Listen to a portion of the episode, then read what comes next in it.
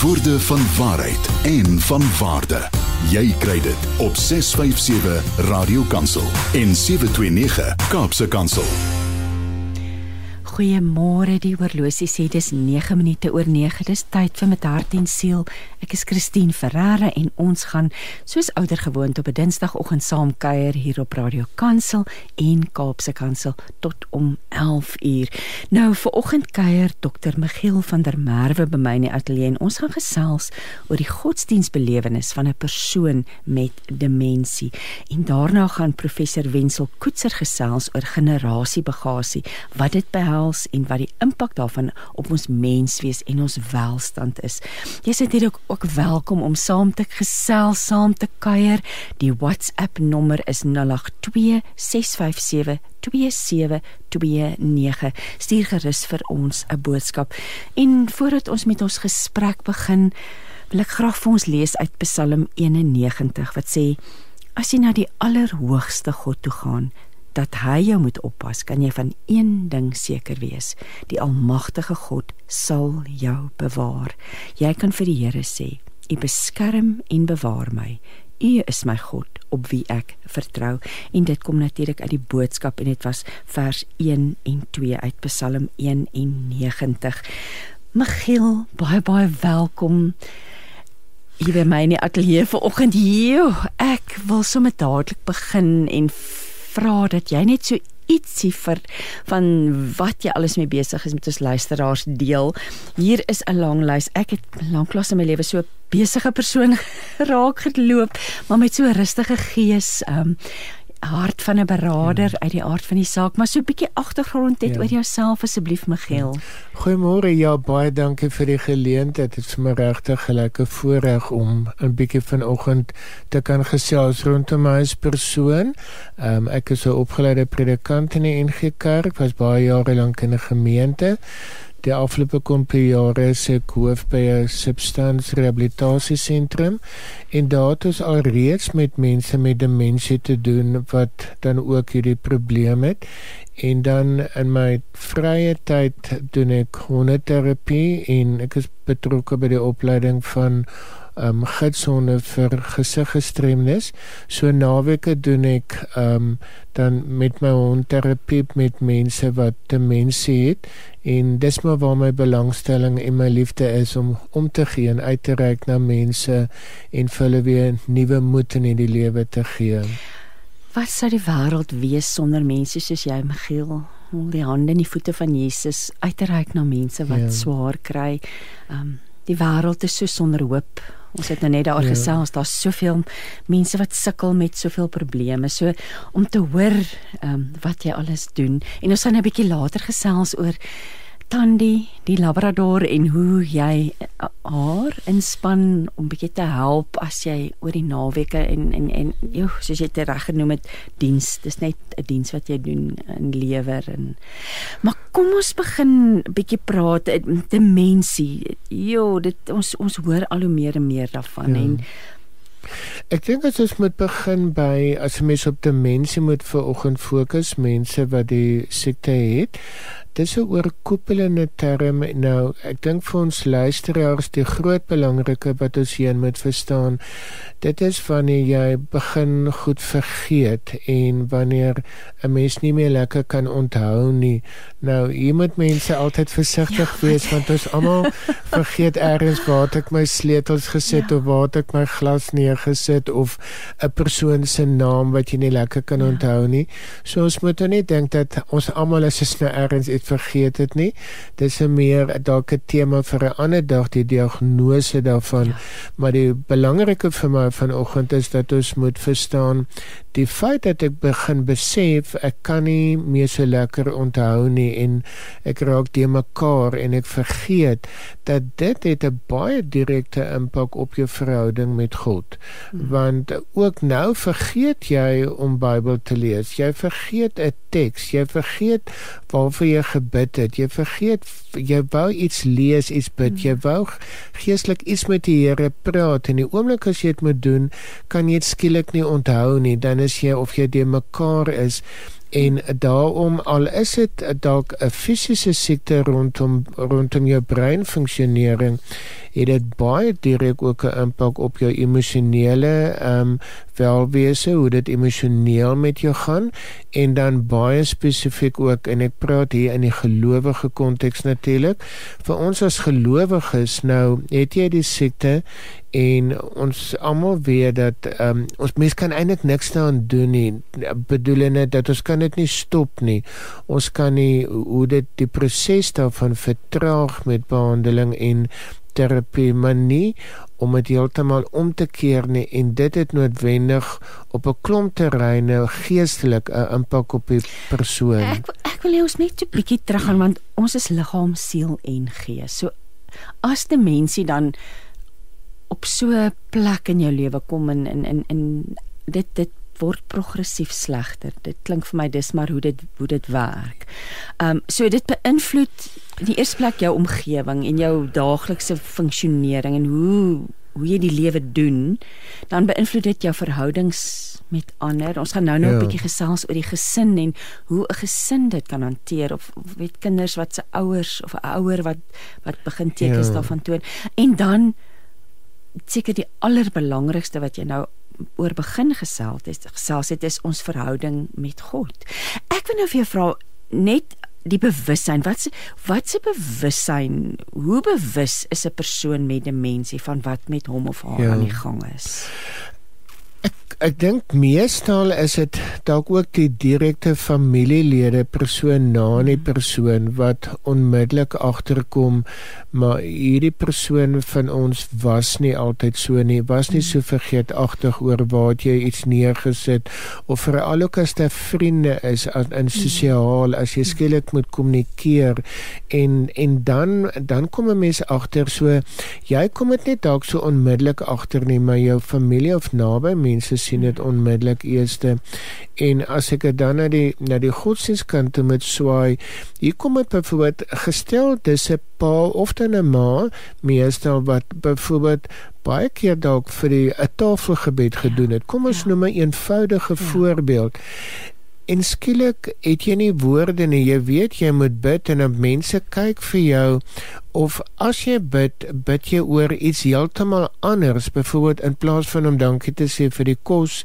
wat jy gaan eet en dit bring spanning. Dit dit bring 'n ongelooflike ongemaklikheid want dis by die persoon dalk 'n gewoonte en dis hy gebruik dalk in die huishouding om dit te doen. En hierdie ons noem dit deurmekaar uit wat dan daar kom. En baie spesifiek op geestelike terrein bring dit dan spanning en en dit is waar dit begin. Die persoon ontdek dit nie onmiddellik nie, maar familie kom agter hier's ergens fout. En nou om dit te begin adresseer, moet ek net dalk iemand gaan sien nie, moet ek iets daaraan doen want uit die aard van die saak ons koneksie met God, ons godsdienstbelewing, belewenis, dit is so 'n groot deel van ons as gelowiges, maar ek wil nou vra wat is die vertrekpunt wat in gedagte gehou moet word wanneer ons begin nadink oor die persoon ja. met demensie se godsdienstbelewenis? Ja. Ek vir my twee baie belangrike aspekte wat ons in ag moet neem. Dit het baie sterk te doen met hoe jy wat jou verhouding met die Here was voordat hierdie siekte gediagnoseer is. 'n Persoon wat nie na die Here geleef het nie, gaan dit baie anders beleef waar 'n persoon wat na die Here geleef het en kom ons sê um, op geestelik godsdienstige terrein baie meer lewend was dalk in self kerk en in godsdienstbeoefening in die huis, 'n uh, huisgodsdienst, tafelgebed, sulke dinge, Bybel lees en ewe skielik raak dit 'n probleem.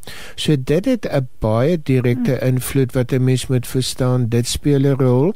En dan die ander een waarmee ek nou tans ook baie te doen het in my huidige werk en dis jou lewenstyl. ons moet verstaan dat ehm um, goed so substansgebruik lewenstyl wat jy het die hele ding van jou brein stimuleer en aktief besig wees dit het 'n baie groot dit kan 'n baie groot impak op die um, ontwikkeling van hierdie siekte in jou. En um, en en nou wat die persoon begin agterkom maar ek is in hierdie situasie ek het dit geestelik begin dit nou baie vra vra wat ek verkeerd geleef in my lewe en wat jy dalk of net die vraag het of dalk tot die besef kom maar my lewenstyl het heel waarskynlik 'n bydrae gelewer in die vlak van demensie wat ek nou so het. skuldgevoelens ja, begin na vore kom. Skuldgevoelens is 'n baie groot komponent want en ons praat van skuldgevoel en skuldwaan om nou baie tegnies daaroor te praat. Weet jy ek, ek wil daar 'n bietjie stop want ons shame die die die die, die, die Engelse het 'n woord shame is dit skuldwaan ja. want ons kon nog nooit daai mooi woord vasvang nie ja ek sal dit so probeer verduidelik by by die mense skuldgevoel is wanneer jy weet jy het eintlik aandeel aan hmm. jou omstandighede en toestand waarin jy is ehm um, ek het verkeerd geleef, ek het ehm um, nie my brein genoeg gestimuleer nie, ek het mm. verkeerde substansies gebruik. Die goed het 'n baie definitiewe impak op my breinfunksionering. So jy besef dit was deel ehm um, verwant aan my lewenstyl. Ja. Die ander kant jou skuld waan is vir dit jy's voel skuldig, maar jy menslik gesproke hoef jy nie dis iets wat op jou lewenspad gekom het en daar menslik gesproke niks wat teen teen jou lewenstyl gesê kan word nie. Dis ongelukkig deel van jou pak. Die feit bly in beide gevalle vra die persoon en natuurlik die familie maar hoekom is ons in hierdie situasie? Wat wat is die Here se pad se hmm. doel met ons? En natuurlik dan die groot vraag wat is verkeerd gedoen? Wat kan ons doen om nou uit die situasie te kom om dit beter te maak? En dan in realiteit, 'n mens kan eintlik nie uit die situasie uitkom nie. Dis deel van jou lewe dan vorentoe. Demensie word geassosieer deur die, die man op straat met ouderdom. Dat dit 'n ouderdomsverwante siekte situasie is. Ehm um, maar nou noem jy 'n paar interessante goed dat leefstyl en substansmisbruik, daar's allerlei dinge wat dit kan aan kan dit kan gouer laat gebeur of hmm. uh, nie almal gaan demensie kry nie of is dit iets wat ja. met ons almal gaan gebeur op een of ander stadium? Nee, gelukkig glad nie. Ek ek ek hoop dan nou nie so nie. Ehm um, as ek sê al wat die, luisteraars moet hoor, dit is bloot as jy dit het jou lewenstyl. Dis al wat ek mm. sê dat dit kan die proses van hoe jy die siekte erger raak kan dit of verhaas of vertraag. En daarom is dit baie belangrik dat die mense dan ook op godsdienstige terrein uh, gaan dink maar wat wat kan ek doen?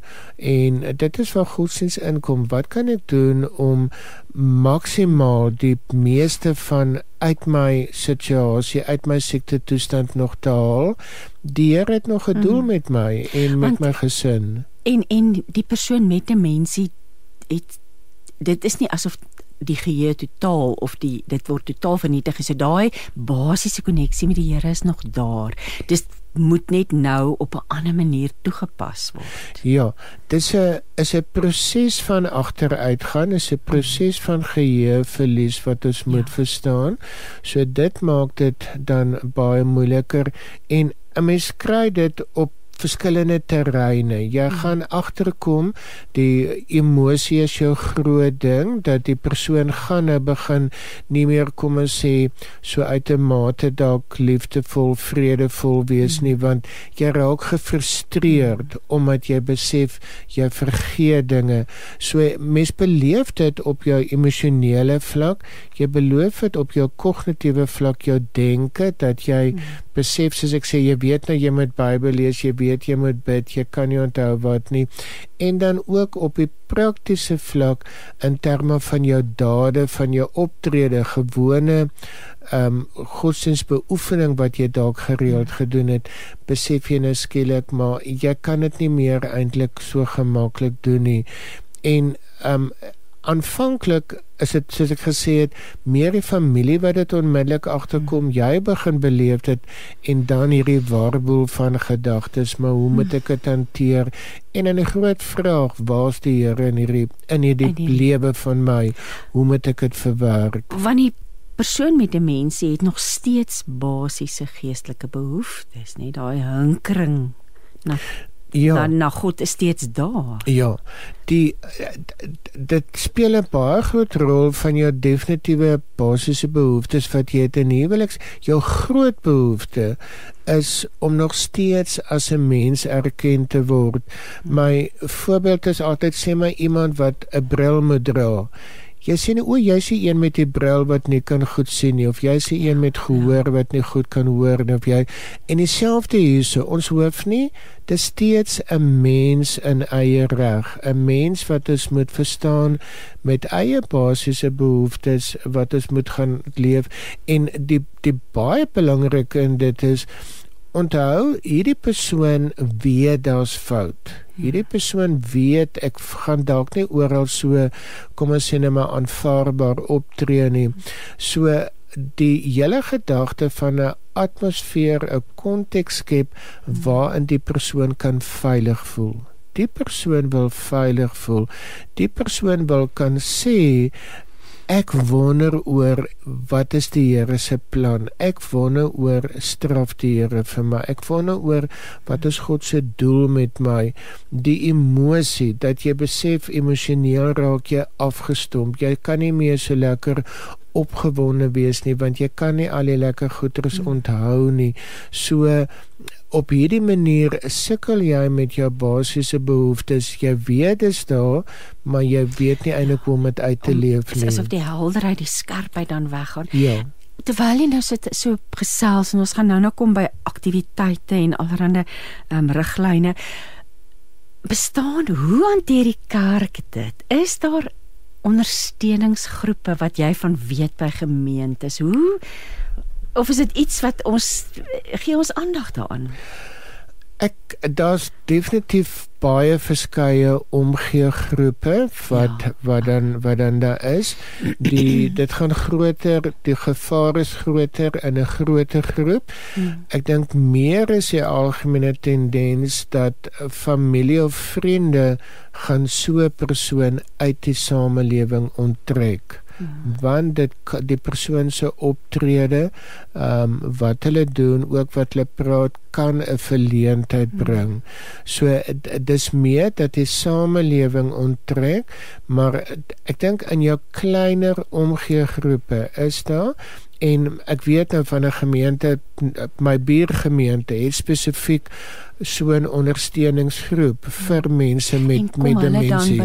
Ja, en, en, hulle kom hulle kom gereeld by mekaar en ehm um, as ek sê ek weet nou van 'n paar sulke omgee groepe meer moet ons verstaan is die die omgee groepe die direkte familie wat bymekaar ja, kom ja, want ja. dis hulle wat raad op is dis hulle wat wonder hoe moet ek dit hanteer want hy die persoon wat self die siekte het verstaan dit nie altyd mm. so nie en beleef dit nie so hierdie ondersteuningsgroep is meer vir die familie en vriende dat hulle mekaar kan ondersteun en veilige ruimtes vir mekaar skep om dan te kan praat en deel wat in hulle gedagtes is. Want ons godsdienstbelewenis is so 'n uh, ankerende teenwoordigheid in ons lewe. So as die lewe uitmekaar uitval en jy kan nie meer goed onthou nie en jy kan agterkom om dan te kan vashou, bly vas in die Here is eintlik so belangrik, maar dikwels klink dit vir my verdwyn die vermoë of die, jy sê hulle vergeet om te lees of hulle kan nie die woorde onthou nie. Hoe ja. Ek dink jy moet vir ons net so bietjie net vertel iets meer vertel hoe beïnvloed dit tegnies die mense ja. hierdie godsdienstbelewenis. Ek ek, ek dink die wat ek net gesê het dat dit op jou emosionele, hmm. fisiese vlak en jou denke het dit het dit 'n impak. Hmm. Vir my is dit belangrik en as ek net gou iets daarby kan sê dis meestal ouer mense hmm. en enige een as jy dalk ernstig siek is 'n baie basiese behoefte by hierdie mense raak ook oor hulle pad vorentoe ja. in terme van sterwensbegeleiding. Die hele gedagte want hulle wonder nommer 1 wat gaan van hulle self word, maar natuurlik ook na die vroeë stadium meer oor wat van die res van die gesin gaan word. Mm. Sê maar dis die gesinshoof of die een wat finansiëel bydra. Ek het dit al baie met ja. met vrouens meer om te veralgemeen beleef as ek vir hulle byvoorbeeld vra waarvoor kan ek bid? En dan dink ek hulle gaan sê ek moet bid nou vir hulle siekte dat die Here hulle sal dra en beskerm. En dan is dit glad nie. Dan sê hulle maar bid net vir my kinders bid vir my man wat die goed sien wat dit moet agterkom. So dit is waar 'n baie sterk geestelike behoefte dan by hulle kom. En dan dink ek die hele gedagte dat 'n mens hierdie persoon nie uitskuif nie maar ehm um, deel maak van daaglikse aktiwiteite ook rondom godsdiens hoe kan 'n mens die persoon steeds laat menswaardig voel hmm. steeds voel dat hy op sy plek het in die samelewing en binne hierdie beperkte ruimte dan van vermoëns dit wat hulle kan die geleentheid gee om te kan uitleef hulle godsdiens hulle verhouding met God. So dit is 'n regte plek waar ons hulle hande moet vat. Ja. Die, want eh, ja.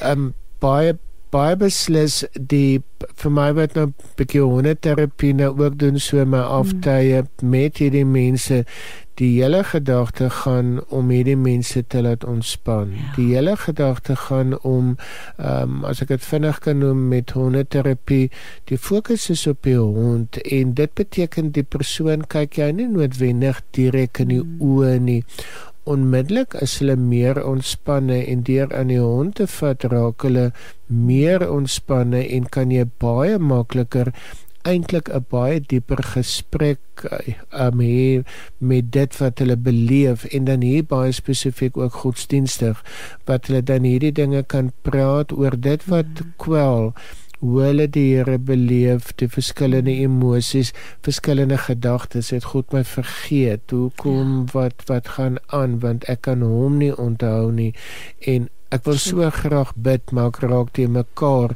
So dit gee die geleentheid om daardie dieper behoeftes van die persoon uit te kry en sinvol aan te spreek. Ja. Dit is eintlik net wonderlik om te dink daai sagte liefdevolle dier wat dan 'n brug vorm ja. tussen tussen jou en die persoon. Woorde van waarheid en van waarde. Jy kry dit op 657 Radio Kansel en 729 Kaapse Kansel. Jy luister na met hart en siel. Ek is in gesprek met Dr. Miguel van der Merwe en ons gesels oor die godsdienstbelewenis van 'n persoon met demensie dinge wat ons nie altyd aan dink nie waar wat ons nie altyd bewus van is nie nê maar so belangrik om om kennis te dra hiervan nie. En Miguel jy verwys na 'n paar aktiwiteite wat so 'n persoon kan doen hmm. om sy of haar hmm. godsdienstbelewenis so gesond moontlik te hou. Ja, weet jy dit is vir my baie belangrik jou gevaar is um of familie kan dink ag hierdie persoon hmm. makeer niks nie en dit kan tot groot verleentheid lei of meestal na die ander kant toe om liewes veilig te speel onttrek jy die persoon hmm. heeltemal en ek dink die een is so sleg soos die ander een hmm. wat ons nie begin gesê het um, dat ook 'n mens se godsdienstaktiwiteit godsdienstbelewenis speel 'n baie groot rol in jou um, dan er nie herstel nie maar dan aan die oorlewing en die verwerking daarvan ek het dan so 'n klompie dinge gedoen genoem gedink wat 'n mens kan doen. Nommer 1 musiek is vir hierdie mense 'n baie groot hulpmiddel deur hulle te laat luister na geestelike musiek, mense mense sangers van wie hulle hou, ehm um, tipe musiek wat hulle geestelik dit versterk onbe, onbewustelik dan geestelike waarhede en dit kan 'n groot stuk rustigheid bring. Onthou wat ons gesê het, dit gaan oor vergeetachtigheid. Dit gaan oor 'n frustrasie wat dit opbou. So musiek nommer 1 speel 'n baie groot rol. Dan ons het genoem van die menswaardigheid, die hele gedagte van aanraking nie maar net een kan sit nie, maar letterlik by die persoon sit, op die skouer vat, die hand vashou. As 'n mens byvoorbeeld 'n gebed doen, Bybel lees, het, oor 'n teksie oor iets praat, die hele gedagte van daai nabyheid, maar dat 'n mens dan fisies dit doen dan um aktiwiteite die hierso gaan dit vir my gaan dit belangrik om vir die persoon die ruimte te gee. Ehm um, kan jy 'n gedeelte lees, maar wil die persoon dalk een versie self herhaal of ook lees? Uh, moet jy 'n gebed vir die persoon doen of wil jy vir die persoon vra om dalk self al is dit een sinnetjie, ehm um, dalk nog self te bid? Dis 'n ongelooflike iets dat jy gee vir hierdie persoon geleentheid om nog hierdie godsdienst beoefening op hulle eie te lees en dan jou meer indirekte goed. Byvoorbeeld teksversies vra Philip maar watter gedeeltes in die Bybel of verhale beteken vir hulle dalk baie?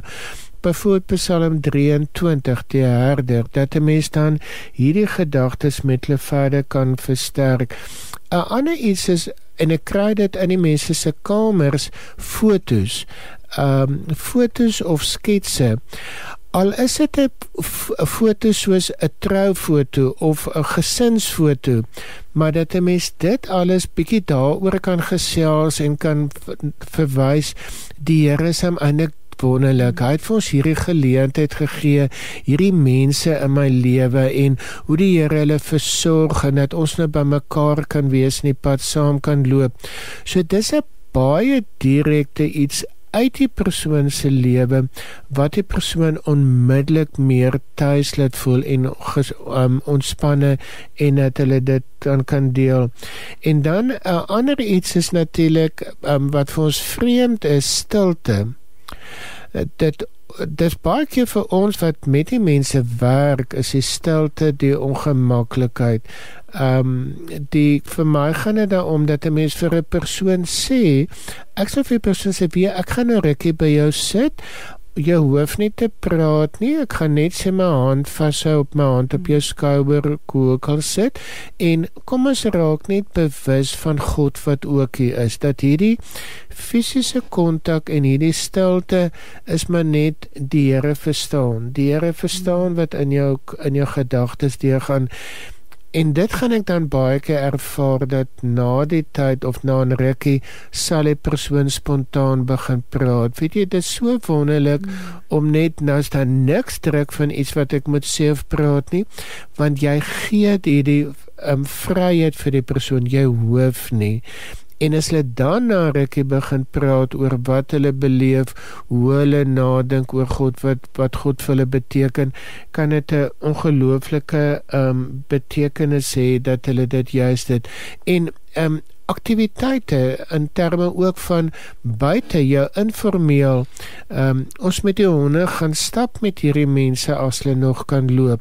Net kan raak sien, "Ag, dit is so lekker buite. Dis die blomme wat ons ruik, die wat ook al iets van die bewuswording van die skepping, God wat nog so alles vir ons gee, dit wat ons kan doen en net hierdie rotine van sulke goed doen help hulle om ontspan.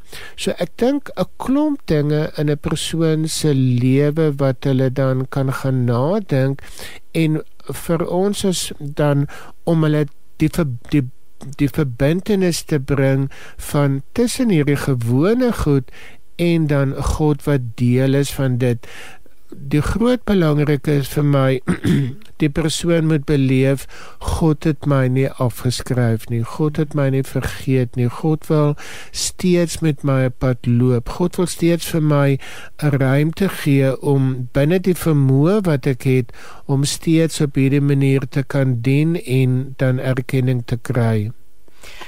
Ja dit, dit klink vir my die belangrikheid daarvan om ruimte te skep. So as so 'n persoon in jou huis woon of jy werk met so 'n persoon maar of 'n familielid is om maak tyd. Ja. Maak doelbewus tyd vir 'n godsdienstbelewenis want hierdie persoon kom soos jy gesê reg nie altyd in die kerk meer nie. Mense vat hulle in die kerk nie.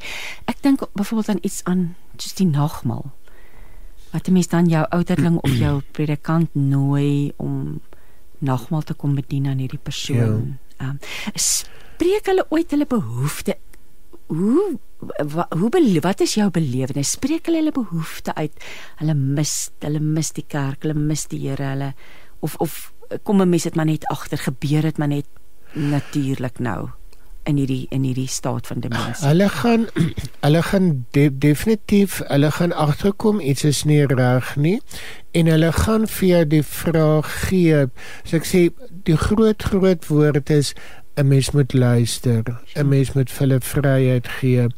En hulle gaan dan of 'n behoefte van iets wat hulle mis, 'n onsekerheid, 'n vraag wat hulle het. Meestal is my uh, ondervinding van jou teenwoordigheid is baie meer iets van 'n stuk dankbaarheid, 'n mm. stuk erkenning dat hulle die ons teenwoordigheid, ons betrokkenheid, ons tyd maak vir die mense gee vir hulle meer iets van dat hulle besef wie die Here is tog nog hier vir my. Baie min maar dit gebeur gaan hulle afhangende wat 'n fase is gaan hulle vir jou begin die vrae vra maar kan ek nog dit doen? Wat van die wat van daai?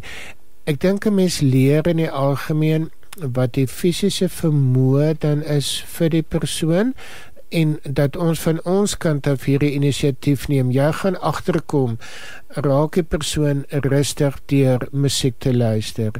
Maak dit die persoon gemaklik deur net in stilte te sit. Maak dit dat die persoon iets positiefs beleef deur net 'n paar tree te gaan stap in die tuin. So in jou betrokkenheid by die persoon kom jy agter wat die persoon geniet, wat die persoon waardeer en maar voorstel is altyd kom ons fokus op dit. Nie almal dieselfde nie. Hmm. Maar kom ons probeer fyn hoor in terme van hulle reaksie en die natuurlik die fase waarna hulle daardie dag hmm. is wat vir hulle spesiaal gaan wees. Dit is vir my waaroor dit gaan. sien jy in al hierdie jare wat jy hiermee werk verandering, voordele, 'n positiewe gebeur iets met hierdie persoon as daar aandag gegee word aan hierdie persoon se godsdienstbelewenis. Dit het 'n ongelooflike positiewe betekenis vir hierdie mense as hulle in hulle gebrekkigheid gebrekkige vermoë 'n versie kon lees of jy kan hulle help om 'n versie te herinner of jy kon vir hulle toelaat om 'n gebed nog hardop te sê al is dit hmm. hoe die mekaar die hele gedagte van daardie stuk menswaardigheid jy gee hulle die ruimte jy bring dit baie direk in hulle hmm. verbintenis met God my vergelyking is altyd maar soos met 'n kind die kind eet dalk nie so mooi in netjies nie die kind um, praat dalk nie so mooi die regte woorde nie maar dis wonderlik want jy hmm. weet dis die vermoë van die kind op daardie stadium dieselfde met hierdie mense en veral onthou hierdie mense ehm um, dink baie sterk aan hulle eindtyd. Hulle hmm. weet, hulle is ouer mense. Hulle dink oor die pad vorentoe geestelik vir ons as gelowiges. So om nou nog vir hulle hierdie ruimte te gee en hierdie ondersteuning te gee, ehm um, het 'n ongelooflike positiewe positiewe betekenis. Jy het 'n voorbeeld van nagmaal genoem. Hmm.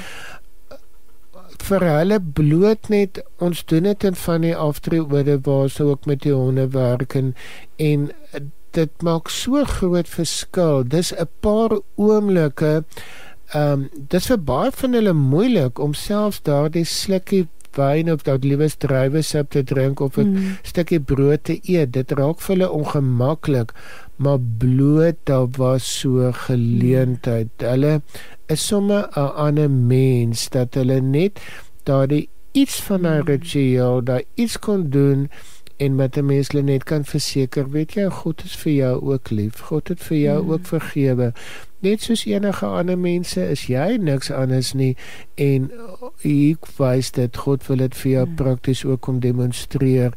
So so al hierdie rituele het 'n ongelooflike positiewe opbou dat die persoon sommer beter voel hmm. en weer kans sien vir die res van die dag. Skrif gedeeltes uit die Bybel waarin 'n persoon kan vashou wat demensie het? Jy, ek probeer baie keer met mense praat, die goed wat ons nou genoem het. Ek noem mens kan 'n baie Bybelgedeeltes noem. Die woord demensie kry mens natuurlik nie in die Bybel nie. Hmm. Psalm 13 is 'n paar kenoemes vir my baie bekende een. Dawid begin met 'n klomp vrae emosioneel. Here, hoekom het U my vergeet? Hoekom dit? Mm. Hoekom daai? En dan op die einde sê hy ek hou vas aan die troue liefde. Die hele gedagte ek mag my emosie beleef soos wat ek is God verstaan het. Omgekeerd Psalm 139 nog voordat die gedagte by jou is weet ek al God verstaan mm hierdie frustrasie, hierdie gedagtes in my lewe dat ek nie weet hoe om aan te gaan nie. En dan het ek kan weet versekering Romeine 8 niks kan skei van die liefde mm. van God nie. Dat ek weet al raak hierdie siekte hoe erg al sien mense nie meer kans om na my te kyk nie. Dit kan my nie verwyder van God se liefde nie.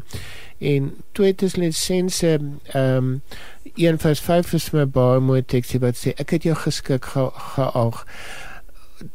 Maak nie saak wat ek maak keer nie, maak nie saak hoe die samelewing my evalueer en klassifiseer en diagnoseer en wat ook al nie, feit bly ek is geskik vir God se koninkryk. Danksy hmm. sy liefde, danksy sy omgee, Jesus wat vir ons gesterf het.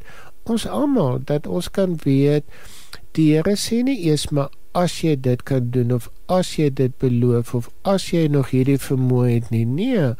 God aanvaar ons soos wat ons is en ons kan net leef en ons kan regtig met dit so groot stuk blywende versekering by hierdie mense verseker jy is goed genoeg vir God ja. soos wat jy is maak nie saak wat ander mense vir jou sê nie mm. Dit geld natuurlik vir ons almal pragtige stuk skrif om aan herinner te word vir oggend. Enige wenke vir mense wat met persone met demensie werk of gesinne of veral nou ons praat nou ja. rakende die godsdienstbelewenis. Ja. Weet jy, ek ek dink rondom die godsdienstbelewenis wat ons hulle paar keer verwys het nommer 1 gaan dit die hele begrip van luister en vir die persoon 'n stuk vryheid die die veiligheid gee en hier moet ons moet verstaan dit vra emosioneel baie van naby hmm. mense. Ehm um, dat die mense regtig hier mekaar afwissel en hier vir mekaar ja. geleentheid gee om ook net dat iemand kan instaan vir jou. Dis waar hmm. omgee groepe en vrywilligers 'n groot rol speel. Rondom vergeetachtigheid, die gedagtes baie belangrik is vir my die manier hoe 'n mens praat. Jy kry 'n fase wat die persoon gaan sê ek dink die Here het my vergeet. Ek dink die Here is nie lief vir my hmm. nie. Ek dink die Here straf my. Ek dink wat ook al in gedagtes. Hier is dit vir my baie belangrik gewoonlik vir hulle se antwoord maar dit is nie so nie. Ehm um, wie maar die Here is vir jou lief. Die hmm. Here uh, gee om vir jou. My ek vergelyk dit met as 'n byvoorbeeld nou as ek dit mag sê met tieners praat. Ek sê altyd as jy wil hê 'n tiener moet iets doen dan sê jy vir my moet dit nie doen nie en dan weet jy dit gaan gedoen word. Dis mos nou die teenoorgestelde. Ja, ja. Nou hier presies dieselfde. Hoe meer jy direk vir 'n persoon sê, maar dit is nie so nie. Dis andersom. Dit is nie wat jy dink nie is dit eintlik uh, maak jy bring jy frustrasie hmm. en 'n uh, onsekerheid by die persoon. So my raad is hier, jy praat geweldig ehm um, dan neutraal. Met ander woorde, jy sê nie maar die Here is lief vir jou nie. Hmm. Jy sê die Here is lief vir alle mense jy sê nie maar die Here vergewe my die Here het jou vergewe nie. Jy sê die Here vergewe mense. Ja. so ideale deur die deur die geloofswaarheid hierdie vryheid hierdie jy gee dit in 'n neutrale formaat want dan konfronteer jy nie hierdie persoon en jy wys nie op hierdie persoon hoe verkeerd hmm. sy of haar gedagtes is nie want dis ook konfronterend negatief. Ek funksioneer nie meer gesond nie. Deur die geloofswaarheid neutraal oor te dra gee jy ruimte om op 'n baie neutrale manier dan versterking in te bring en dat die persoon daaroor kan dink want nou hoor hy nie dat hy verkeerd gedink hy of sy nie dat jy dit kan doen. En dan vir my baie belangrik die wat ek net nou verwys het um klein godsdienstige rituele Bybel lees tafelgebed uh, in die kamer alleen 'n stukkie versie by die persoon lees uh, na 'n mooi musiek geestelike lied te luister enige sulke goed enige van hierdie goed uh, help hierdie persoon om te versterk so luister kom ons praat op 'n positiewe geestelike waarheid en kom ons bring soveel as moontlik godsdienstige aktiwiteite in dit bring 'n stuk menswaardigheid vir die persoon en wat vir hulle moed gee maar God is nog daar vir my. Sjoe laaste laaste gedagte. Jy sê dit gaan nie oor hoe beleef 'n persoon met God nie, maar ag vir God nie, maar kom ons draai dit om. Hoe beleef God of hoe sien God 'n mens met 'n mensie? Ja, ek dink ons hele oggend het nou gegaan hierdie persoon wat vergeet mm. en nie mhm. kan onthou mhm. nie en hy begin vra vra mens sou omgekeerd die vraag kon vra en hier is die wonderlike ding God kan ons nie vergewe vergeet, nie, nie. Ja. hy hy is juist daar en daarmee die teksgedeeltes wat ek ook net nou genoem het ek dink hierdie afgelope hierdie absolute versekering En vir my bly dit ons as familie, as ondersteuners, as mense wat met hierdie mense hmm. werk, ons omgee, ons daar wees, ons begrip, ons uh, aanmoediging, ons moeite doen met hulle. Dit raak vir hierdie mense die werklike konkrete bewys dalk het God my tog nie vergeet nie. Ja. Dalk is God tog lief vir my want kyk hierdie goed wat nog met my kan gebeur. Ehm um, ek wil 'n voorbeeld noem van 'n praat nydig van 'n vrou wat met haar ma dan ook so en sy sê hulle het op 'n stel plekke gaan sit waar niks ander mense is nie en die dogter het nou van haar ma gevra maar wil wil sy bid voordat hulle eet. En ja, en sy het een sinnetjie reg gebid en toe oor 'n klomp ander goed gepraat, heeltemal afgedwaal. Maar toe agterna Dankie my kind, weet jy ek kon nog. Ek kon ja, nog die Here verstaan en dis vir my waaroor dit gaan. Kom ons gaan gee geleentheid vir die mense. Ons is almal selfde vir God en weet hy het ons nie vergeet nie. Daarvoor is die Heilige Gees daar om elke dag die pad met ons te loop. Hmm. Michiel, wat 'n wonderlike voorreg gewees om na jou te luister vanoggend en ja, al die wonderlike werk wat jy doen en hierdie inligting wat ons nou net ons eie kan maak en ag, vir as iemand met jou wil kontak maak, is daar 'n uh, 'n uh, e-posadres. Weet jy alles welkom om my enige tyd te kontak. Dit vir my wonderlik as 'n mens saam kan hande vat. My e-posadres is mvdm my voorletters vir Michiel van der Merwe mvdm 360 by gmail.com um en my selfoonnommer as jy vir my 'n WhatsApp of 'n SMS mm. wil stuur 082 462 3529 Ek kan dit net herhaal as jy wil kontak maak met Dr Miguel van van der Merwe.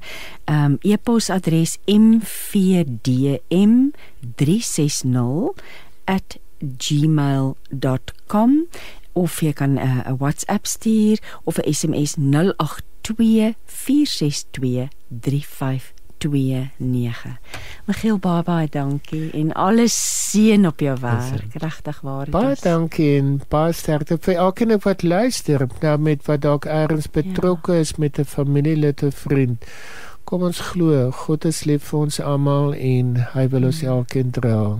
Hm, amen daarop. Die woord van die Here is woorde van lewe. Jy hoor dit op 657 AM. Jy luister met hart en siel. Die horlosie sê dis so 3 minute oor 10 en dis nou tyd om te gesels met 'n ou bekende hier op die program professor Wensel Koetser, al die pad uit Potchefstroom. Môre Wensel. Môre.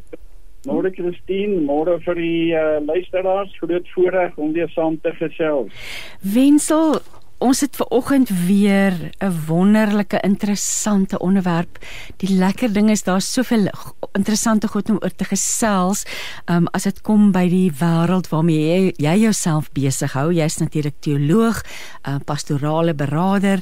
Jy bied kursusse aan, skryf boeke. Daar's nie 'n einde aan al die dinge wat jy jou mee besig hou nie, maar vandag gaan ons gesels oor iets baie interessants en 'n woord wat 'n mens al hoe meer en meer begin hoor en dit is naamlik generasie bagasie.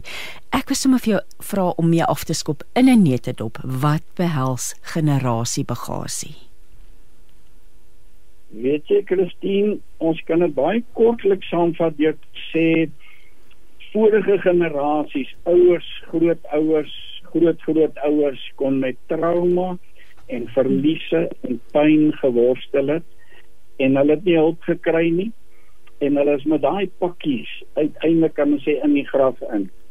En uh ek sê die navorsing dat daai trauma wat 'n vorige geslag nie verwerk, nie hanteer het nie, word outomaties aangegee vir die volgende geslag.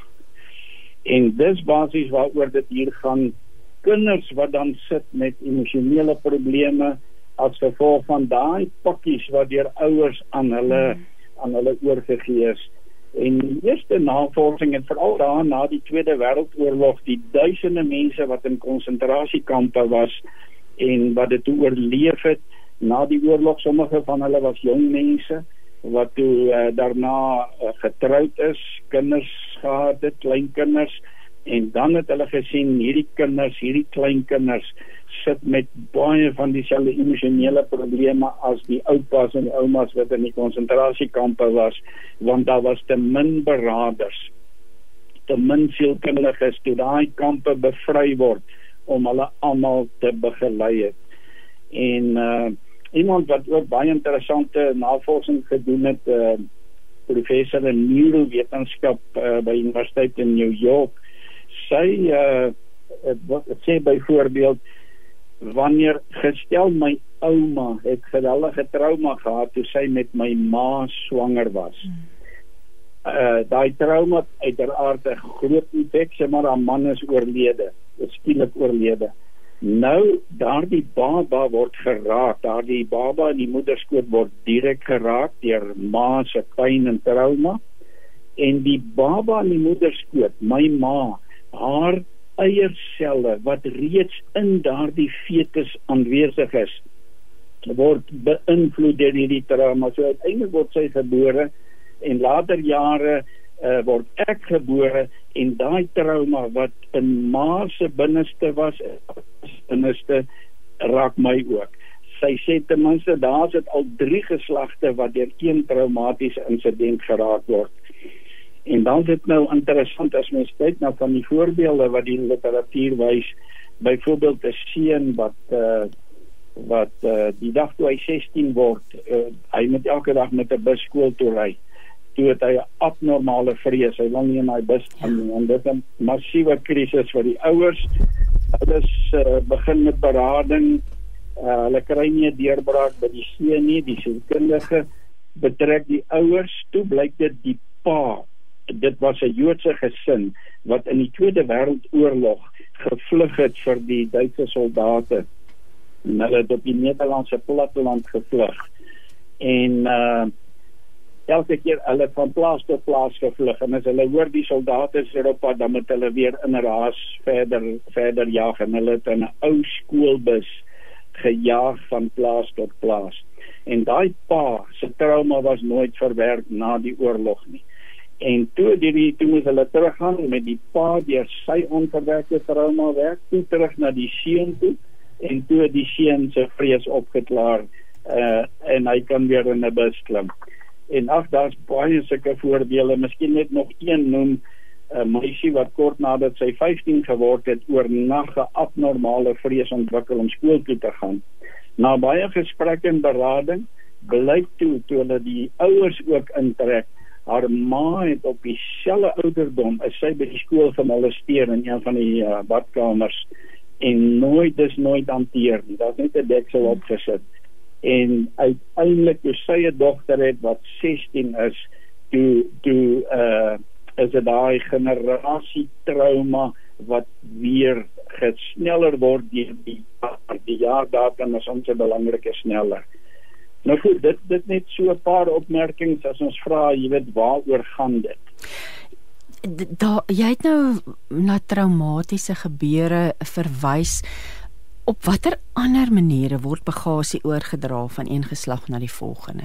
En dit dit is so onwetend, ons is nie eens bewus daarvan nie, nê? Ja, kom ek sê net hier en dan gaan ek 'n uh, uh, uh, paar voorbeelde noem. As ons net uh, teen die breër agtergrond dink aan die die trauma waardeur ons as volk as land gegaan het as ons teruggaan Anglo-Boereoorlog die Eerste Wêreldoorlog Tweede Wêreldoorlog uh sommige was by die Koreaanse oorlog betrokke dan uiteindelik die grensoorlog of die bosoorlog 35 jaar gelede En weet jy daar is so baie mense wat deur hierdie gebeure geraak is, soveel families. As ons maar net dink aan die Boereoorlog, daar was geen pastorale beraders of terapeute wat daai daai getraumatiseerde soldate wat dit oorleef het teruggekom het van die slagveld af wat hulle kon begelei of hulle vrouens wat in die konsentrasiekampe was. Jy weet as mens dink hulle die huise afgebrand al die vrouens en hulle kinders het dit aanskou dan hulle op ossewaans geplaas en oor lang afstande moeilike omstandighede kampe toe van hulle is verkrag en uiteindelik na die oorlog 'n massa onverwerkte trauma wat op families oorgegaan het uh en en en dan wys die praktyk jy weet hoe voorkoms van drankmisbruik, egskeidings, depressie, verslawende gedrag. As mens dink aan die ex-soldate van die Bosoorlog, ek het dit so baie gesien, huwelike verwoes, uh nagmerries, want hierdie mense het nie hulp gekry nie. In die FSA, die ons 23 soldate wat elke dag uh, selfdood pleeg. 23 en dis presies hierdie selfde faktore trauma wat nie hanteer is nie. Nou net terug by jou vraag, uh, hoe word dit oorgedra? Ons kan sê eerstens uiterlik, uiterlike kommunikasie. Kinders word word oorweldig deur al die details van die trauma wat deur ma of pa of ouma of oupa gegaan het. Te veel vir 'n jong kind om te hanteer. Dan tweedens deur uitreageer gedrag uh, pa sê dalk ek praat nie daaroor nie maar elke keer as iets hom ontstel het hy 'n geweldige woede uitbarsting.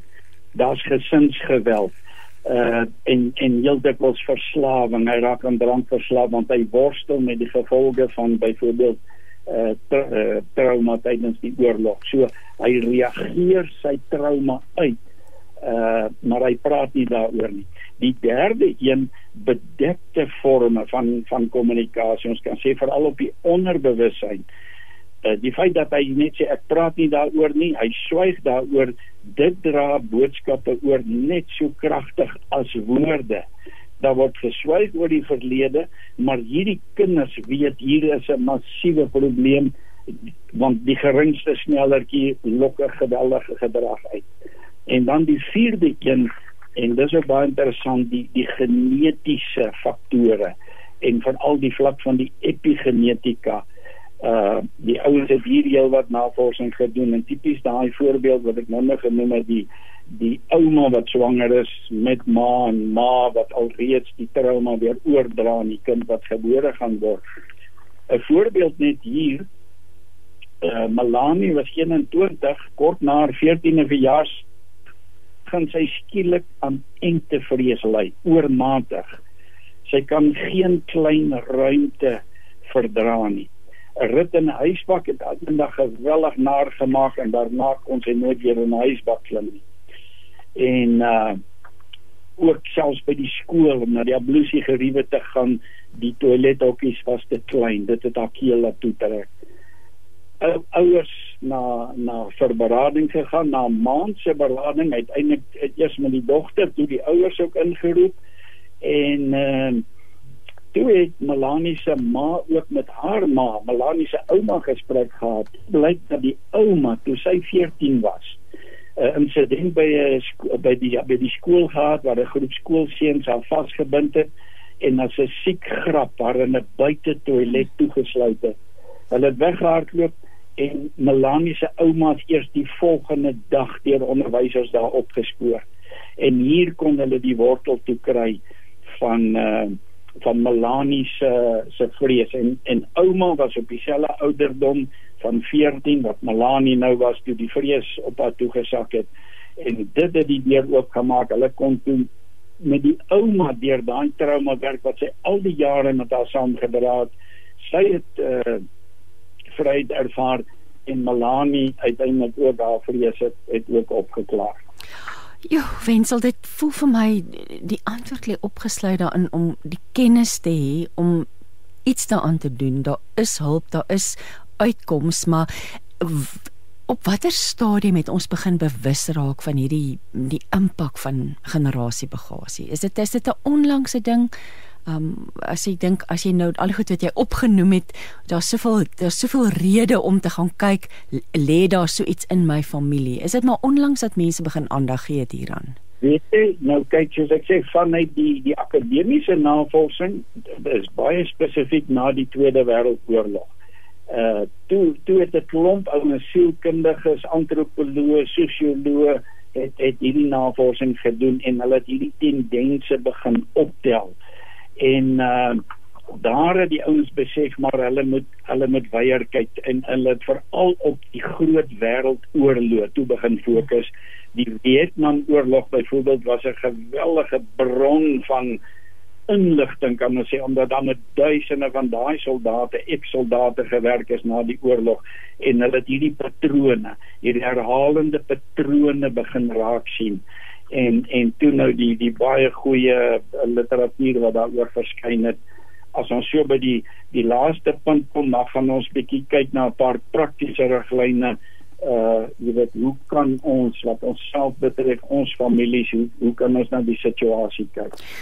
Iets wat mens kan sê hand aan hand loop hiermee of 'n uitvloeisel is hiervan is natuurlik 'n disfunksionele gesin. So Wil jy nie vir ons 'n bietjie vertel oor die dinamika van 'n disfunksionele gesin nie asseblief? Ja, en nou jy sien wat hulle in die literatuur sê, tipiese disfunksionele gesin en ons bedoel maar 'n stukkende gesin. Ja. Uh, maat met pyn groot geword, paat met pyn groot geword wat nooit hanteer is nie en nou maak hulle kinders groot met dieselfde pyn. En daar's daar's nou die ooreenkomste tussen tipies daardie huis en dan hierdie huis waar pa deur trauma gegaan het wat nie verwerk is nie en ma dalk ook. Nou by jou algemene uh, stukkende gesin is daar byvoorbeeld reëls wat sê moenie praat nie, moenie vertrou nie, moenie voel nie. Kinders word verbied om uit te praat oor dit wat in die gesin gebeur. Hulle mag niemand vertrou daar buite nie en en hulle moet ook nie uiting gee aan hulle eie emosies en gevoelens nie. Uh want want dit kan die dit kan die hele stelsel ontwrig. 'n Meisie wat byvoorbeeld groot word wat sê ek het groot geword met die reël dat in hierdie huis mag die volgende woorde nooit gebruik word nie, naamlik ek dink so of ek voel so. Haar pa het gesê ek sal vir jou dink wat jy dink en ek sal besluit wat jy voel en hierdie meisie sit met geweldige depressie, selfdoodneigings en dis dis nou maar net baie kortliks jou jou dinamika van 'n stuk in 'n huis. Maar nou by jou by jou huise met onverwerkte trauma hierdie selfe reëls. Moenie praat nie. Die oudste oud soldaat wat sê ek praat nie oor dit wat gebeur het nie en niemand durf ook vra vra nie. En as mens dink al ons oud soldate net van die Bosoorlog, die retties elkeen van daai persone het berading nodig. Uh ons is nou 40 jaar verder en die deksels begin afspring. Het al lank al begin afspring en en en soos wat mense ouer ouer word kan hulle nie meer die deksels onderhou nie. So moenie praat nie. Die tweede een moenie vertrou nie. Pa wat wat met sy onverwerkte trauma die oorlog kom en elke keer as die gesin na 'n restaurant toe gaan, dan kies hy die verste hoek uit want hy wil presies kan sien wat in die restaurant aangaan. Hy wil sien as daar as daar enige gevaar is. Nou begin sy seun dieselfde doen op die skoolterrein elke pouse is hy daar op op 'n punt waar hy die hele terrein kan dophou want want hy is gebreinspoel met die idee daar's permanente dreigende lewensgevare en wat pa betref kan ons sê hy eintlik nooit die oorlogsveld verlaat nie uh omdat hy traumas nie verwerk nie. Elke keer as daar 'n snellertjie kom, is hy terug op die op die slagveld en hy reageer asof hy op die slagveld is en dit het uiteindelik 'n klomp emosionele en liggaamlike probleme tot gevolg. En dan die derde enetjie moenie voel nie. Hm. En dit dis 'n groot mate van ontkenning. Die trauma van die verlede is so so geweldig ons ons sê ons blok die emosies uit. Ons voel nie dan kan ons oorleef. Maar die tragiese is dit wat nie afgehandel en verwerk is nie. Hy gaan lê maar net ergens onder die oppervlakte en in 'n volgende generasie baie dikwels dan kom hy na die oppervlakte toe. Jo, die die nood noodsaaklikheid daarvan om bewus te wees van hierdie goed binne 'n gesin want daar is hoop. Ons ons kom ons gaan daarby uitkom. Daar is genesing daar is hoop maar leef mense half onbewustelik hiervan dat hulle nie eens agterkom hulle is dalk die slagoffers van so iets en dat die gesin disfunksioneel is as gevolg van hierdie goed wat in die verlede gebeur het nie? Ja, nee, ag ek dink dis 'n algemene probleem kom ons sê met hierdie ons praat nou van die intergenerasie trauma, maar ons kan sê trauma oor die algemeen. Dan, jy weet ons beklemtoon dit so van ons studente uh, wat nou opgelei word as beraders om te sê kry die persoon se verhaal. Hy worstel nou met 'n klomp goed, maar die sleutel lê gewoonlik in die verhaal en dit kan teruggaan kinderjare toe of dit dit kan verband hou met die trauma van hierdie familie kry die verhaal. So trauma oor die algemeen is is dit miskien net so dikwels en as jy die verhaal kry dan kan lyne die lyne deurtrek. Miskien dit wat in die kinderjare gebeur het met dit wat nou gebeur. En en kom ons sê 'n jaardatum elke keer as daar 'n jaardatum wat 'n snellertjie is en hierdie persoon besef nie dit gaan terug na trauma jare gelede op 'n baie spesifieke datum en dit herhaal en dit herhaal maar uit onkunde uh, jy weet besef die ouens dit nie. Wil jy vir ons dalk 'n bietjie iets meer vertel oor Dr Murray Bowen se bydrae? Um miskien iets oor die gebruik van die geniagram want daar daar's daar is nou terapeutiese metodes om hierdie goed oop te oop te breek en oop te lê, nê? Ja, weet jy hy was 'n baie bekende professor in psigiatrie uh aan die Georgetown Universiteit in die VSA en uh, hy het wat genoem word die sisteemteorie hy het dit basies ontwerp kan mense sê en dit het daarna baie algemene benadering geword in terapie wat dus beteken uh, kom ons sê 'n kind word na 'n kliniek gestuur want hy het aan dwelmverslaaf geraak. En uh, nou uh, vat hulle hom deur 'n proses en hy en hy en hy word genees en hy gaan terug huis toe. Na 6 maande val hy weer terug en hy moet weer opgeneem word. En toe het hulle begin besef maar daar's 'n probleem by die huis. Die stelsel wat binne hy funksioneer is is siek. En dit dra by hoekom hy na dwelms gryp omdat daar's pyn daar by die huis en die pyn word nie hanteer nie. En toe het hulle dus nou gesê ons wil met die hele struktuur werk. Ons wil met die gesin werk en nog beter eintlik met die familie om te sien hoe gesond of hoe siek is hierdie familie. En ek het dit nogal in die FSA gesien, 'n heel party klinieke wat ons besoek het veral wat ook met jong mense werk. Hulle reël deesdae is eh, so seun wat dan nou gebring word, hy's aan af en hy's geskort by die skool en nou bring die ouers aan sê vir die vir die kliniek hoorie uh, kry hierdie kind reg asseblief ons sal betaal hy het 'n probleem Hmm. Daai ouens deesdae sê hulle neem geen kind meer in. Geen jong mens tensy die ouers of al hulle wat saam met hierdie kind onder dieselfde dak bly en sê hulle bereid is om 'n kontrak te teken. Hulle gaan deel wees van die terapie. By die een sentrum het ons gesien sê maar die kind is vir 3 maande opgeneem, dan moet die ouers vir 'n volle week moet hulle inboek.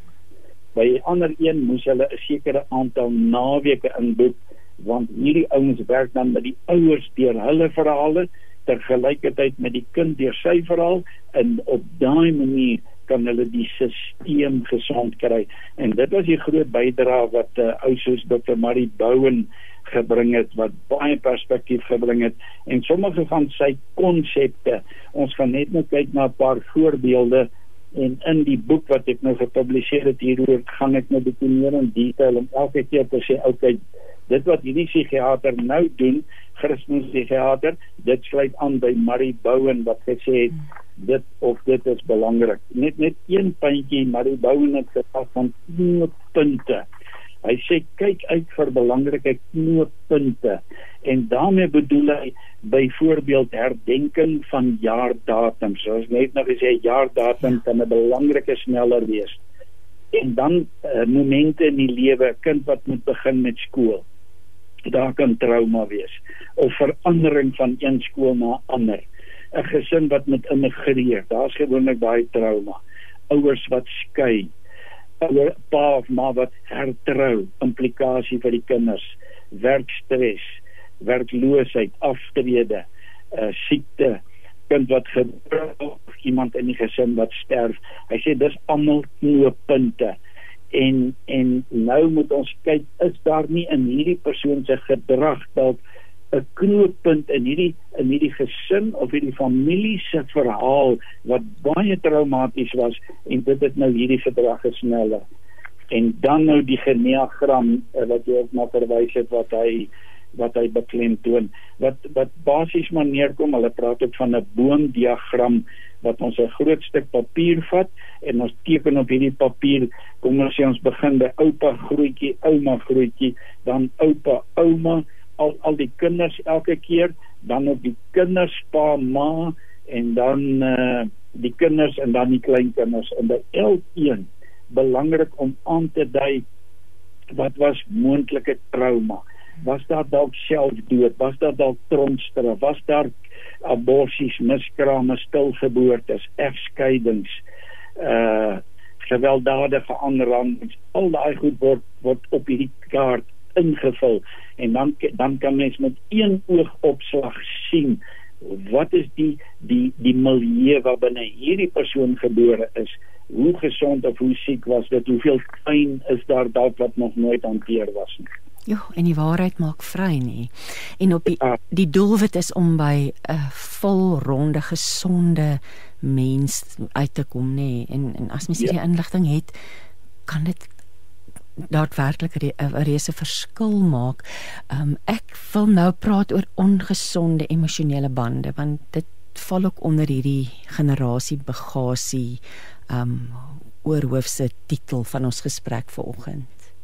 Ja, weet jy uh in die in die boek wat ek nou gepubliseer het, het ek nou hier veral gebruik gemaak uh, daar's Christen psigiaters uh Dr William Wilson. Ek ek kon hom ontmoet in van sy werkswinkels bywoon in die FSA hy is nou oorlede.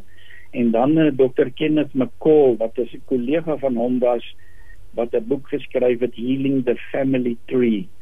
En hy het aangrypende voorbeelde. Uit sy sy 40 jaar praktykervaring het hy het hy ek dink uiteindelik 600 gevalle geïdentifiseer en dan nou in hierdie boek 'n hele klomp daarvan beskryf uh waar hy telkens die hele verhaal gevra het en en en soms ook die ouers se verhaal en en hoe dat hy keer op keer dan by fenominale deurbra deurbrake kon kom.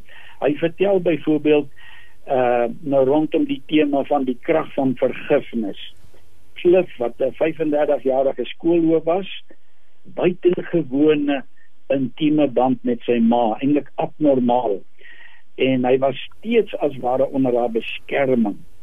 Wat opvallend van sy gedrag was, verder, hy het 'n abnormale vrees gehad vir enige verhouding met 'n vrou en ook 'n tweede vrees enige iets gekoppel aan 'n kapelaan het hom abnormale vrees veroorsaak.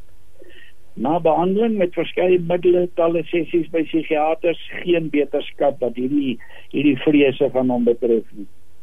En toe dokter McCall versoek uh aan Cliff se moeder gerig om soveel moontlik inligting oor haar seun te gee sy jeugjare en uh, want hy wou 'n geneagram saamstel van die familie om net te sien uh, wat die die groter milieu is waar waar binne Klif gebore was.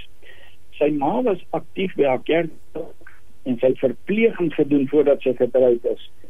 En na heelwat wroging en worsteling het eintlik sover gekom om vir dokter McCall te vertel van haar eie lewe en haar swangerskap met Cliff.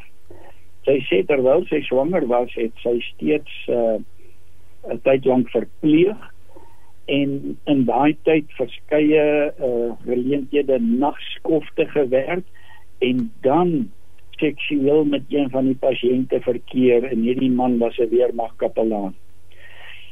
En klaar blyklik het die moeder se optrede daai daai optredes uh met hierdie kapelaan een of ander onverklaarbare reaksie by die by die ongebore kind tot gevolg gehad en wat wat vir 'n groot deel van sy lewe 'n uh, invloed op hom gehad het enerzijds oor vroue anderzijds oor kapelane en uh toe dokter McCall haar kon begelei dit het natuurlik vir haar 'n groot prys gekos om om dit op die tafel te sit. Mense weet dit dis 'n geweldige ding om te vra en teenoor jou kind te erken, maar sy het kans gesien Dr. McCall het haar begelei belydenis teenoor haar seun te doen en hulle het saam gebid oor die verlede, belydenis teenoor God en vir Cliff onmiddellike gevoelens van vryheid wat betref hierdie twee abnormale vrese hy het direk later 'n meisie ontmoet met wie hy gelukkig getroud is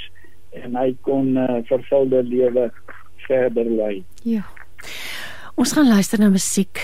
Wensel, ons gaan luister na Marika wat sing 'n blye dag en daarna gaan ons gesels oor die pastorale begeleiding, riglyne rondom 'n spesiale nagmaal geleentheid. So mens dalk bietjie gesels oor oor ja, oor die oplossings. Maar kom ons luister eers na Marika wat vir ons gaan sing 'n blye dag. 657 Radio Kansel en 729 Kaapse Kansel.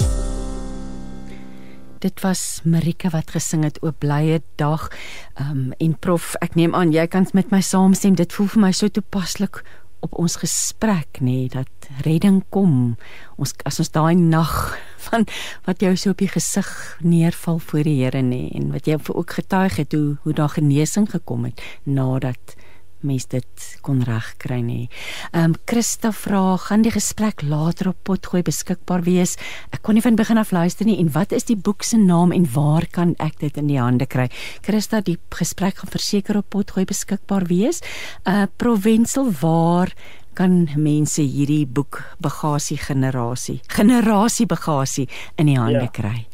Weet jy ek hou maar sommer die voorraad by my en ons stuur dit per koerier soos wat daar uh, bestellings kom. Uh ek kan vinnig my selnommer gee 08366 Ja, hy het bietjie jy het bietjie opgebreek. 083660 6600 Daar 70 son Ekskuus. Hulle kan nou WhatsApp vir my stuur. Hier is nog iemand Annetjie vra ek asseblief die naam en die titel van die boek, die naam. Ja, dit is professor Wenzel Koetser met wie ek nou gesels. Die naam van die boek is Generasie Bagasie. Jy kan hom direk bestel by Provensel 083 08004009. Wensel, kom ons praat uh, oor oor vergifnis en dan is daar ook 'n 'n hoofstuk wat jy wy aan riglyne vir 'n spesiale nagmaal geleentheid want dit voel vir my ons het eintlik almal 'n stuk generasie bagasie wat ons saam met ons dra nê. Ja, ek sou ek sou sê in minder of meerdere mate by sommige persone kom ons weer as as pa in die oorlog was, byvoorbeeld die Bosoorlog en en hy het nog nooit weer gepraat daaroor nie, dan het daai pakkie swaar geraak. Ja. En uh, weet ons daai pakkie het swaar geraak. By ander gesinne is is die pakkie dalk nou nie so swaar nie, maar maar daai groot trauma wat nie hanteer is nie, jong, dit is dit is gewoonlik 'n belangrike aanduiding. As ons bietjie kyk na ehm uh, 'n nagmaalsgeleentheid, weet jy, interessant uit daai twee Christelike psigiaters nou week verwys het, het uh uh artikel gepubliseer in 'n in 'n erkende mediese tydskrif in die VSA en Dr. Wilson het in 'n stadium vir my 'n kopie van die uh, uh artikel gestuur. Hulle het met 1000 vroue gewerk wat aborsies, miskrame of stilgeboortes ervaar het en dan daarna met depressie geworstel het wat 'n baie algemene gevolg is. En hy sê hulle kon met gewone benaderings en en terapie en medikasie nie 'n deurbraak kry nie. Toe hulle die benadering bietjie verander meer meer pastoraal want beide van hulle is pastoraal sterk hierdie ouens en hulle die die families ingetrek die gesinne hulle deur die verhale gewerk en dan uiteindelik het hulle 'n nagmaalsgeleentheid gereël waar die die betrokke gesin se geestelike leier betrokke was wat basies dit gelei het en uh dan het hulle geleentheid gegee tydens die nagmaalsgeleentheid byvoorbeeld oumas, oupas wat iets wou sê oor hierdie baba wat hierdie wat hierdie familie verloor het. Die baba wat 'n naam kry as daar ouer broers en susters is wat iets wou sê maanpa. Met ander woorde, dis 'n afsluiting seremonie want baie keer met aborsies, miskrame, stilgeboortes uh, uh, is daar nie 'n ritueel om afskeid te neem nie. En hierdie vrou rou nog in die gemeenskap sê vir haar hou op huil. Jy is jonk jy kan weer swanger raak. En en en daai is 'n geweldige groot probleem. Hulle bevinding 98% van hierdie 1000 vroue 2 tot 3 weke na die nagmaalsgeleentheid het die depressie totaal opgeklaar sonder enige medikasie. Uh en hierdie ouens nou terug by McCall se boek waarna ek verwys het. Hy noem nou 'n uh, hele paar voorbeelde. En nou goed hier so nagmaalsgeleentheid veral meer 'n intieme uh, familie en naby vriende. Uh, jy weet dis die die ouens wat dit normaalweg gaan gaan bywoon.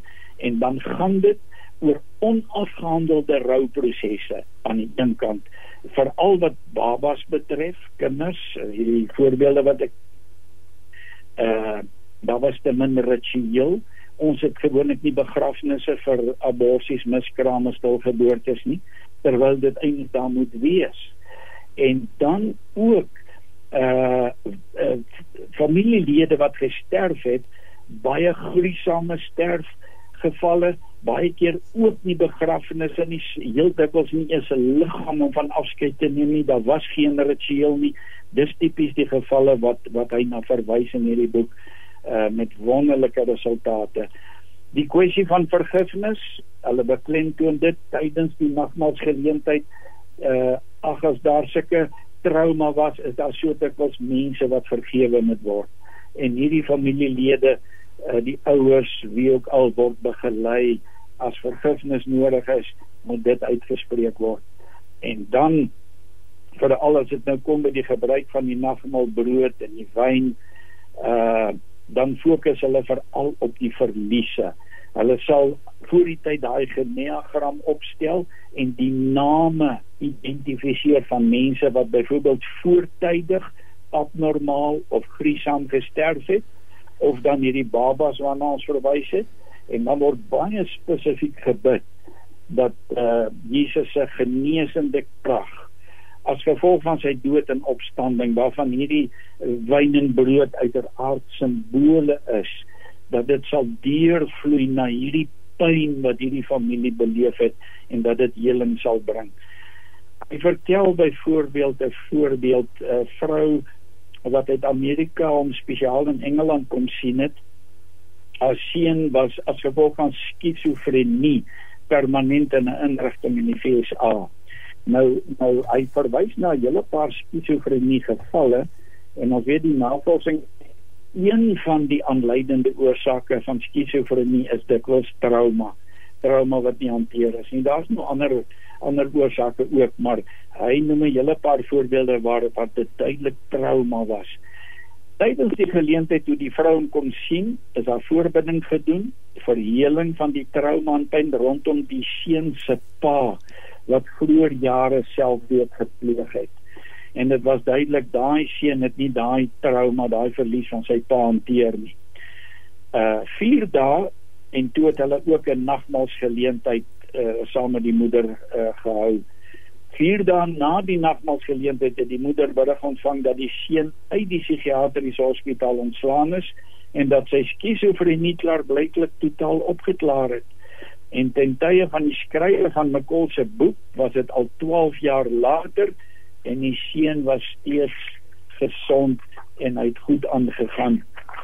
En dan net nog 'n voorbeeld uh daar's nou uh die die die persone wat wat vir dat wat verlies was, hulle wat gesterf het, hulle wat ons verloor het, maar tydens so 'n nagmaal geleentheid skuif die fokus dan ook na hulle wat teenwoordig is.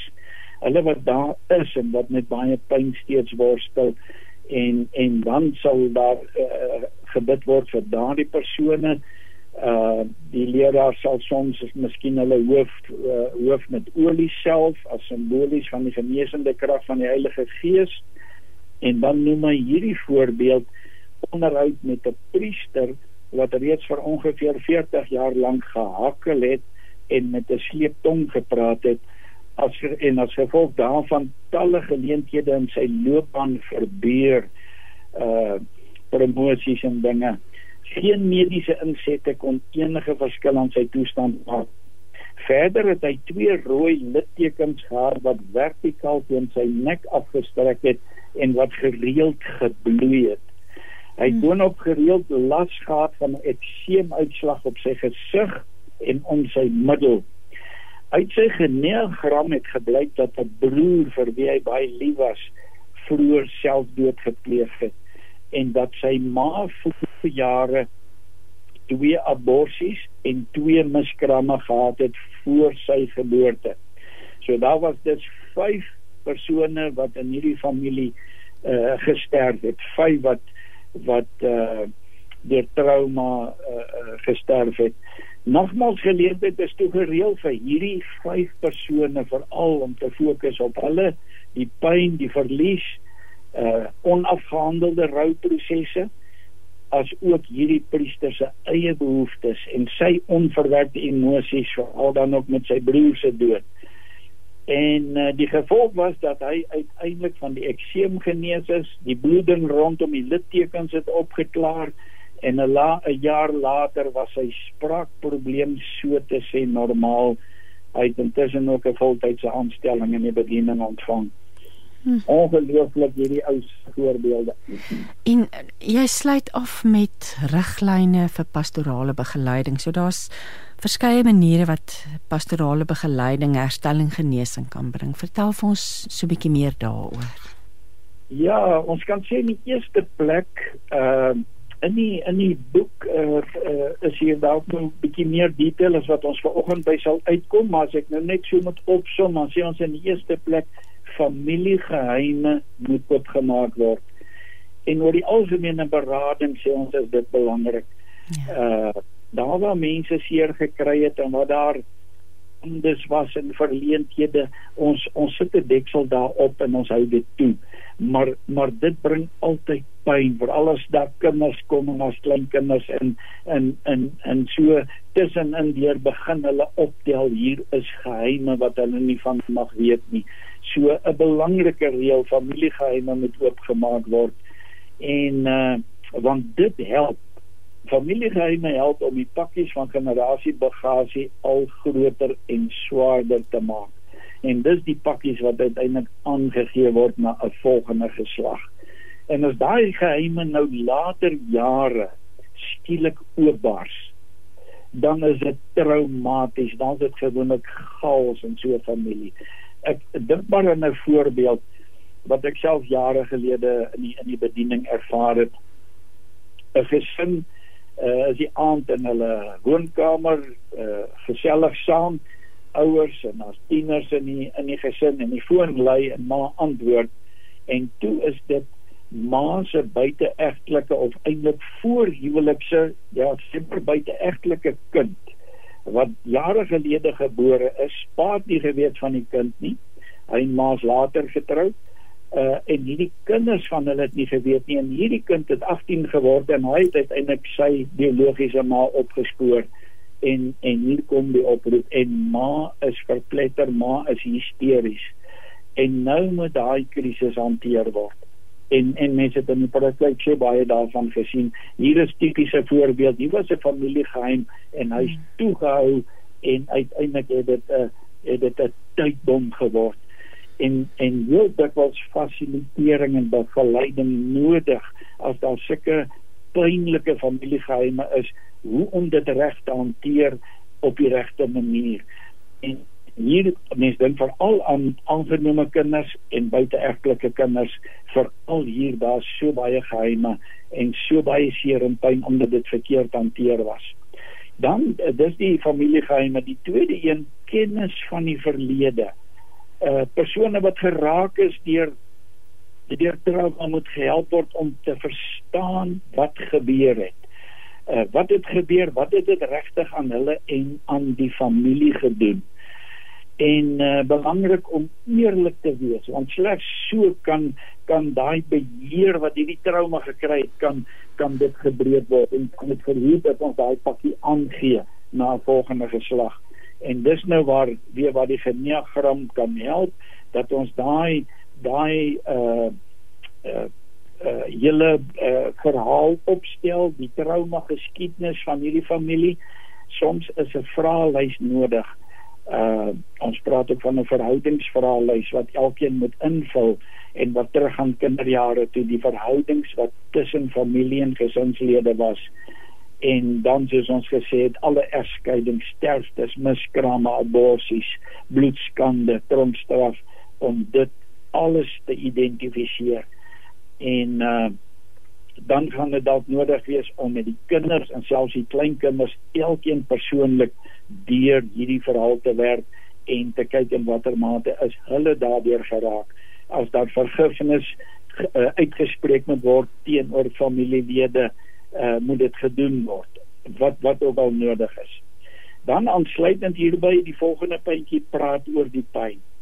Die navorsing het aangetoon waar familie stil gebly het oor byvoorbeeld oupa en ouma se trauma in die konsentrasiekampe of die grensoorlog het kleinkinders dit agterna met baie emosionele probleme geworstel.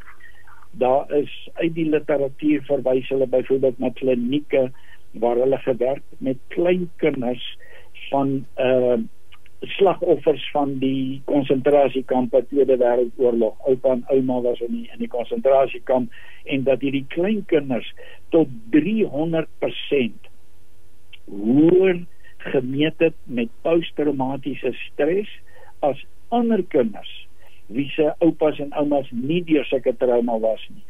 Die trauma wat op hierdie klein kinders oorgegaan het in die in die Israeliese weermag is daar heelwat navorsing gedoen.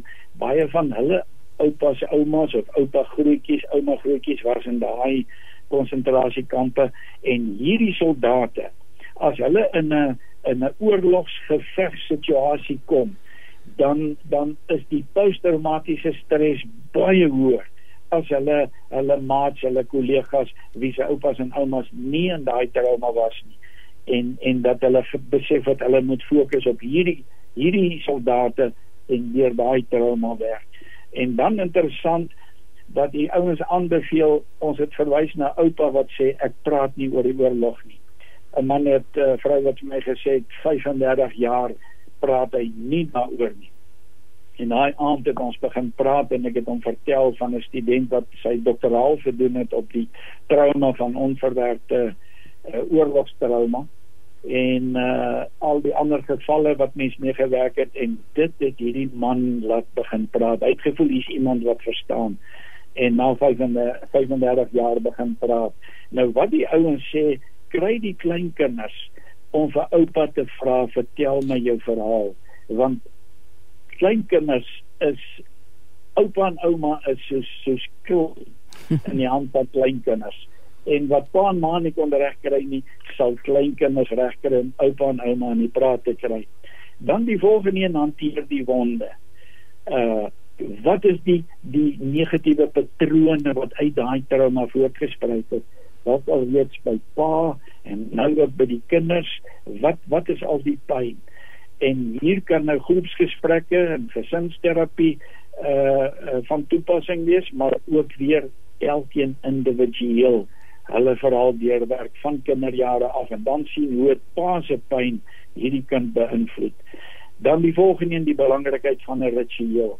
Ons het nou gesê die die die nagmaal is 'n is 'n krities belangrike Christelike ritueel. Daar's soveel krag uh in die boodskap van die nagmaal. En uit mense se verhale moet ons dus sien was daar groot verliese veral persone wat gesterf het en daar was nie genoeg ritueel nie daar was nie 'n begrafnis nie uh byvoorbeeld. En en af ons het in die jare baie gesien uh waar mense dan mense help om te sê gaan hou weer begrafnis en gee leiding fasiliteer dit. En en na daai ritueel totale vryheid van jare se depressie of wat ook al die die die probleme was. Uh dan uh geloof. Identifiseer sommige van die skatte wat jy ontvang het ondanks die pyn en moontlik as gevolg van die pyn wat in hierdie gesin, hierdie familie plaasgevind het. En dit kon dinge wees wat wat gelei het tot karakterbou, uh volharding in die geloof, versterking van die geloof, dryfkrag, wysheid, uh, geestelike loutering en gebruik jou geloof om voortaan oor die negatiewe van die triomfeer en laat die oordeel aan God oor. So ons het by 'n punt gekom waar ons kon vergewe, kon vryspreek en en en en en ons vat die positiewe uit die trauma en ons neem dit saam die toekoms in. Die voorlaaste enetjie vergifnis, ons het gepraat oor vergifnis so dikwels is vergifnis nodig. Daar was dalk groot onreg wat plaasgevind het en en hulle moet almal vergewe word. En dan probeer om voortaan deur God se oë na daardie mense te kyk en na hulle eie traumatiese kinderjare. Daardie oortreders was mense wat heel waarskynlik self in stukkende huise groot geword het en hulle het nie die regte uh, uh, ouerlike vaardighede gereël en die rolmodelle gehad nie en daarom het hulle pyn veroorsaak. So dis baie belangrik vergifnis en breër perspektief en dan die laaste puntjie ons verhouding met God. As ons deur so 'n proses is dan dan onderneem ons om voortaan te fokus op 'n lewende en intieme verhouding met Jesus Christus. Ons het dit klomp goed geleer ons het ons het luitering deurgegaan ons het wyeer perspektief gekry en nou kan ons langs iemand anders gaan sit wat met van hierdie selfe goed worstel en ons kan vir hulle 'n getuienis wees en ons kan tot seën wees vir hulle. Ja Wensel, ons het aan die einde van ons gesprek gekom. Ek gaan vir jou vra om vir ons af te sluit met 'n gebed asseblief, maar net voor dan wil ek graag die naam van hierdie boek herhaal. Dis Generasie Bagasie. Die skrywer Professor Wensel Koetser. Jy kan die boek bestel by 083 66 00409.